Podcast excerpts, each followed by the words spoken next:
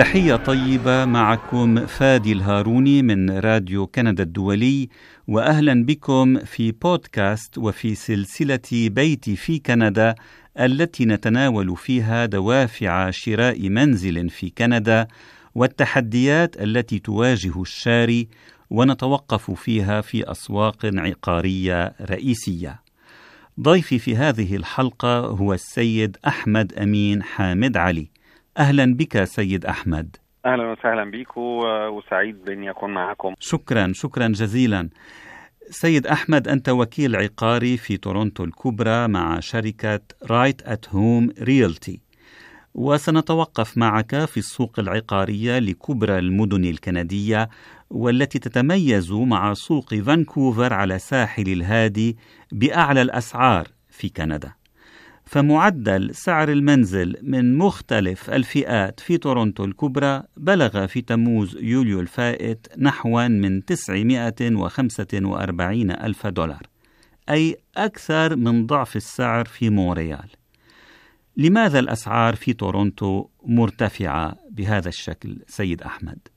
بسم الله الرحمن الرحيم أولا أنا أعتقد أن السوق العقاري في تورونتو وفانكوفر بيمثل الموقع أو المكان الرئيسي لمعظم الواصلين الجدد يعني الساحل الغربي بيمثل الواصلين الجدد من عبر الهادي نعم. من الجزء الشرقي من الصين أو أو الجزء اللي هو الشرقي من القارة الآسيوية بكاملها. نعم. إحنا عندنا باقي أوروبا وأفريقيا وكده بالملتقى بتاعهم أو المقر بتاعهم أو المكان الرئيسي اللي بيوصلوا له بيبقى مدينة تورونتو الكبرى. آه عارفين إن هيلاقوا شغل اللي هو القادمين الجدد زي أي شغل بسيط. آه يعني عارف إن هو هيلاقي شغل هيلاقي مكان عمل. آه السوق أكبر. فعشان كده في ضغط على السوق العقارية عندنا.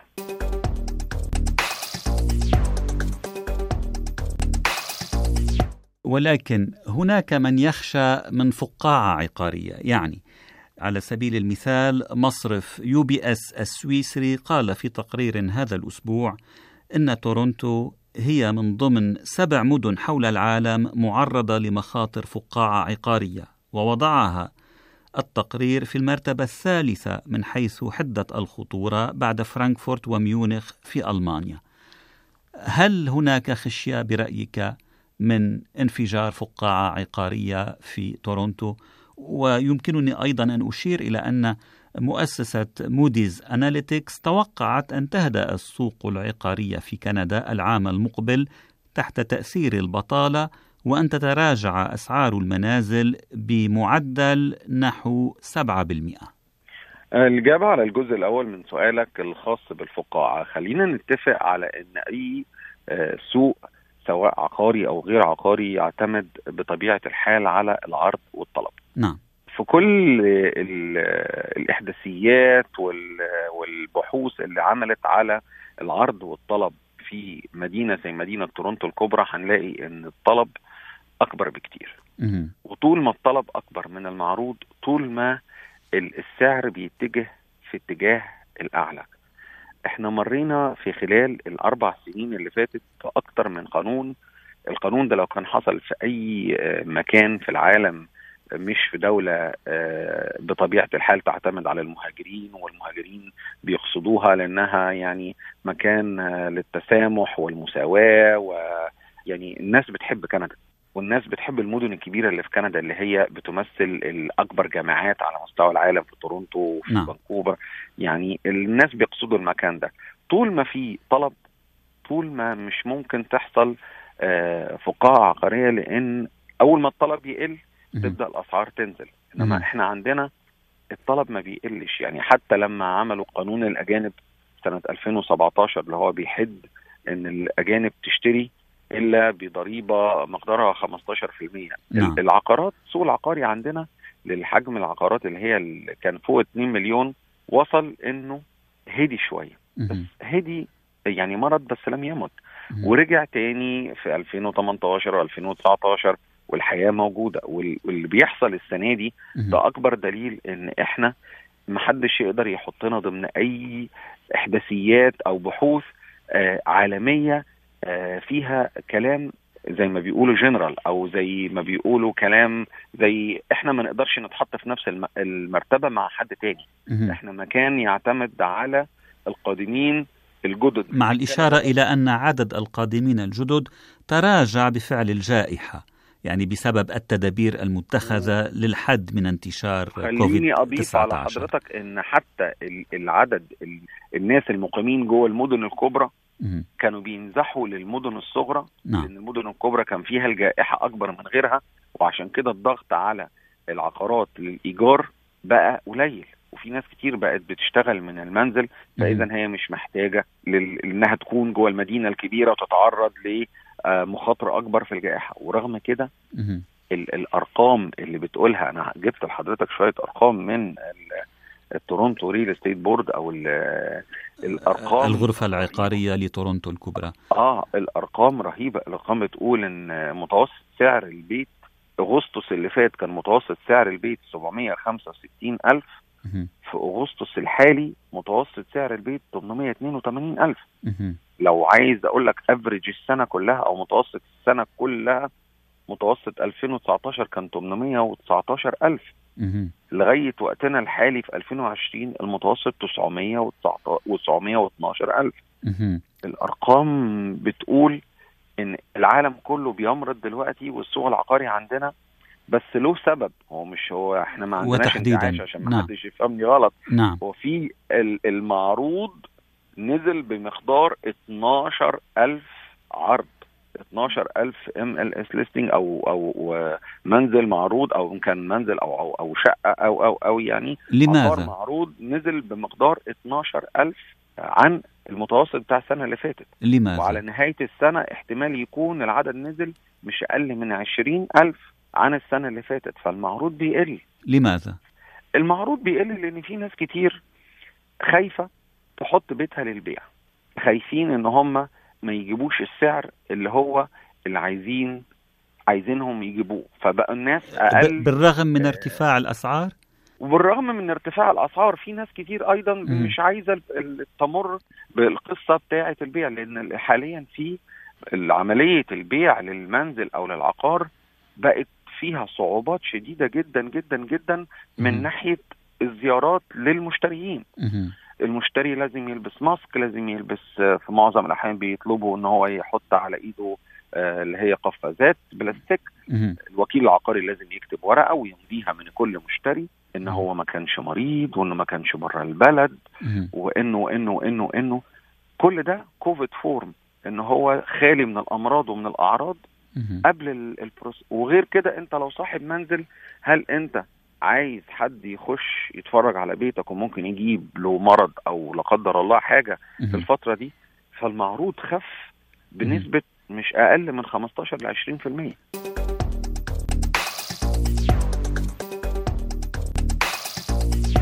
طيب المعروض خف وطبعا الطلب هناك ضمن الطلب تعويض عما فات خلال شهري خلال أشهر آذار مارس ونيسان أبريل وأيار مايو بالضبط. نعم بالضبط. عندما كان هناك إغلاق يعني إن لم يكن بالضبط. تاما بالضبط. ولكنه كان إغلاقا يعني بالضبط واسعا إحنا لو بصينا أنا جبت برضو الإحداثيات بتاعت شهر يناير وفبراير مه. يناير وفبراير الإحداثيات كان شكلها مختلف في مجرد في يناير وفبراير كان average سعر البيت سنة 2020 882 ألف مه. في يناير فبراير السنة دي. كان في 18400 listing. السنة اللي فاتت كان متوسط سعر البيت في يناير وفبراير كان 756000 ده يعني ال- الأرقام شاسعة. آه، طيب. الأرقام فرقها كبير ده يناير فبراير لو جيت لمارس وإبريل ومايو هتلاقي ال- الأرقام نامت تماما في مرحلة الإغلاق الش- الشامل. فجه شهر السادس والشهر السابع والشهر الثامن شهد طفرة لأن الناس يعني اعتقدت إن الموضوع انتهى وإنه من خلاص يعني اللي عايز يشتري أو اللي عايز يبيع قرر يعرض فكان في اندفاع. الاندفاع ده أثر برضو على الأسعار الاسعار وخاصة أسعار البيوت للفرق للمشتري الأول. شهدت ارتفاع ملحوظ بنسبة أكثر من 20% في ثمن البيت.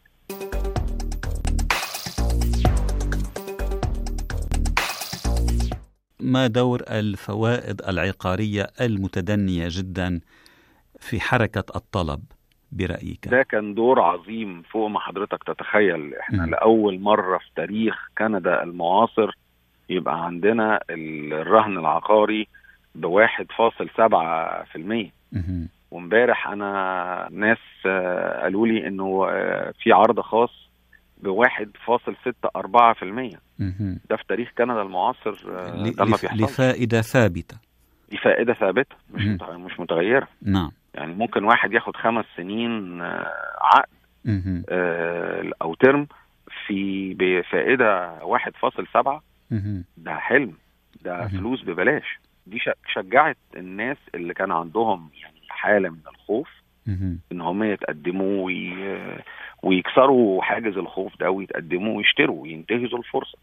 الناس اللي بتشتري هي الناس اللي عندها دخل ثابت ما يعتمدوش على حاجة مهزوزة بسبب الجائحة.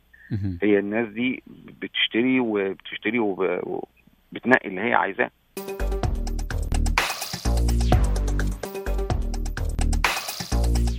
كما أنه تم تم تليين شروط اختبار الإجهاد المالي stress test بالضبط بالضبط.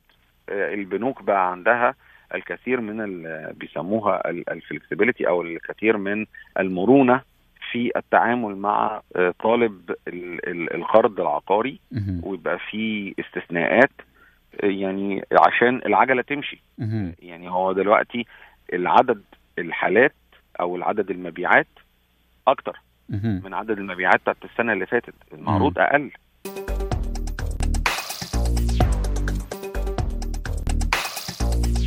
كيف أثرت الجائحة على مواصفات المساكن المطلوبة؟ الحالة الواضحة آه، بشكل غريب إن كان كان زمان أو كان الفترة اللي فاتت مش أقول زمان كان الفترة اللي فاتت المشتري عنده استعداد يشتري بيت ويكون البيت ده مش جاهز أو الشقة ويكون البيت مش جاهز للسكن تماما. يعني كان عنده استعداد ياخد بيت أرضيات محتاجة تتغير محتاج يتعمل فيه شغل محتاج كان المشتري عنده نوعا ما الاستعداد لهذا النوع. حاليا أنا بشوف إن البيوت اللي محتاجة شغل اللي هي مش جاهزة للسكنة تماما اللي ما حصلش فيها عملية آه، استعداد لإنها تدخل ماركت أو تحضير لل بتقف. اللي بتتباع هي البيوت اللي جاهزة أو شبه جاهزة للسكن المباشر. وأنا في رأيي أنا الشخصي إن السبب في ده يرجع لإن الناس اللي عايزة تشتري مش عايزة إنها بعد ما تشتري إنها تدخل بيتها ناس زي اللي هم العمال أو الكونتراكتورز أو الناس اللي هم اللي هيعملوا التشطيبات في البيت. نعم. الناس محتاجة تقفل على نفسها بيتها وأقل عدد من الناس يخشوا البيت بعد كده. فعشان كده البيوت اللي محتاجة تظبيط أو كده في وجهة نظري كان عليها إقبال أقل نسبيا وكان الإقبال الأقل ده كان واضح. بيوت شكلها من بره جميلة ومن جوه ما بتتباعش لأنها محتاجة شغل كتير. طيب هل أثرت الجائحة في المواصفات في مواصفات المنازل المطلوبة من حيث المساحة؟ يعني هل ارتفعت نسبة الشارين الباحثين عن منازل أوسع بهدف العمل من المنزل العمل عن بعد؟ أكيد أكيد. أنا سمعت الكلام ده في كتير إن الناس كانوا بيطلبوا غرف أكتر في المنزل. آه، كان في آه، مشترين معايا بيطلبوا آه، يكون في الدور الأرضي يكون في غرفة تصلح مكتب. وكانوا أساسا لما بيدخلوا البيت بيجربوا الإنترنت في اللي هو البيزمنت أو القبو. بيجربوه عشان يشوفوا هل لو عملوا لنفسهم مكتب فكان الاتجاه ما كانش الاتجاه التقليدي. الناس بتخش بتشوف البيت بعينيها. بقى دلوقتي الاتجاه بيشوفوا لو الوضع المنزل بيجي له استقبال انترنت قوي ولا لأ. وفي كل أجزاء لأن هم هيبقى معرضين إن هم يشتغلوا من المنزل. دي بقت حاجة بتصير بتصير التساؤل بس يعني لكل مقام مقال هو الزمن ده دلوقتي بقى فيه الناس فعلا محتاجين مساحات أكبر ومحتاجين إمكانية العمل من البيت.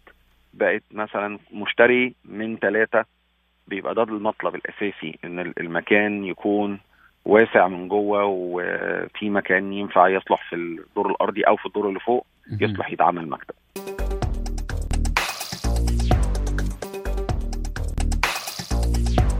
هناك من يعتبر أن شراء المنزل بشكل مباشر دون المرور بوسيط دون المرور بوكيل عقاري آه، قد يوفر على الشاري يعني آه، مبلغا محترما. هو العمولة يشكل العمولة التي يتقاضاها الوكيل.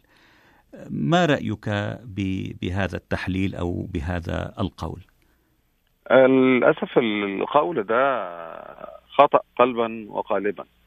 آه، من مدينة أو العقود المعترف بها في آه، مقاطعة أونتاريو أو بوجه عام بتقول لو إن واحد بيبيع العمولة اللي بي اللي بتدفع بتيجي من البائع.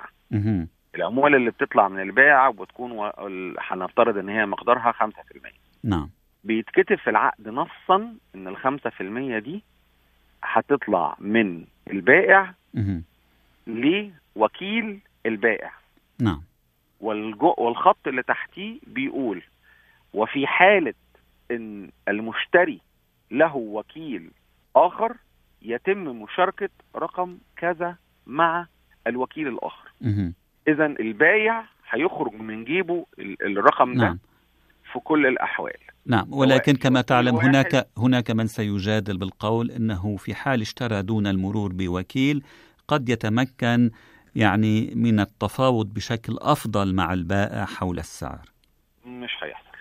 هنقول إن هو في كل الأحوال البائع هيخسر نفس الفلوس. لو أنا أنا بقرر إن هو العقد نصه كده ده العقد المكتوب. أنا نعم. أبعت لحضرتك نسخة تعرضها على العقد المكتوب نصه إن الفلوس اللي هتخرج من جيب البائع هي هي المشتري اللي هيروح يشتري من وكيل البائع مباشرة.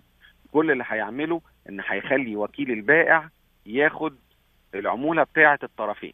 وخليني أقول لحضرتك نعم. إن العقد اللي هو عقد التمثيل للوكالة العقارية. بيقول إن أنا أحفظ أسرار موكلي. لو هو وكيل البايع هو هيحفظ أسرار البايع هو مش هيشي مش هيقول أي حاجة من أسرار البايع للمشتري. وعلى فكرة أنا معظم المكالمات اللي بتجيلي من سادة المستمعين أو الناس اللي على بيبقوا ناس اشتروا وحصل معاهم مشاكل بعد الشراء علشان قرروا يعملوا حاجة شبه دي. أنا مش بقول إن كل الناس بتحصل كده. في ناس ممكن يطلع معاهم آه، الموضوع تمام. بس هم نمرة واحد مش بيوفروا فلوس. لا النص القانوني بيقول إن الفلوس كلها هتروح لطرف واحد بدل ما تتوزع على طرفين. إنما أنا عايز أسأل سؤال. نعم. الطرف المشتري ده قانونا مش بيدفع عمولة. يعني الطرف المشتري ده بيلاقي واحد بيتوكل عنه ما بيدفعلوش فلوس بيدور له على البيت بيشيك له على البيت وعلى أصل البيت وعلى التاريخ بتاعه في الأماكن اللي هي مش مفتوحة لأي حد عشان يقرأ تاريخ. إحنا ممكن نعمل عندنا ما شاء الله السيستم بتاعنا بنقدر نجيب منه معلومات عظيمة. وبعد كده بيكتب عقد يحمي المشتري ده. وبعد كده بيفاوض في السعر للمشتري ده. وبعد كل ده ما بيدفعلوش ولا مليم طب ليه ما يستعملش وكيل للمشتري يعني منطق سليم. سيد أحمد أمين حامد علي الوكيل العقاري في تورونتو الكبرى مع شركة Right at Home Realty شكرا جزيلا لهذا الحديث. أنا سعدت بوجودي معكم النهاردة و آه، يا رب الجائحة دي تنتهي على سلام وخير والناس كلها إن شاء الله. بخير ونرجع لأعمالنا ونرجع لبيوتنا ونرجع للحياة آه، ترجع كما كانت بإذن الله. إن شاء الله. شكرا سيد أحمد. شكرا لكم. وشكرا لإصغائكم أعزائي المستمعين. كنتم مع فادي الهاروني في بودكاست بيتي في كندا من راديو كندا الدولي.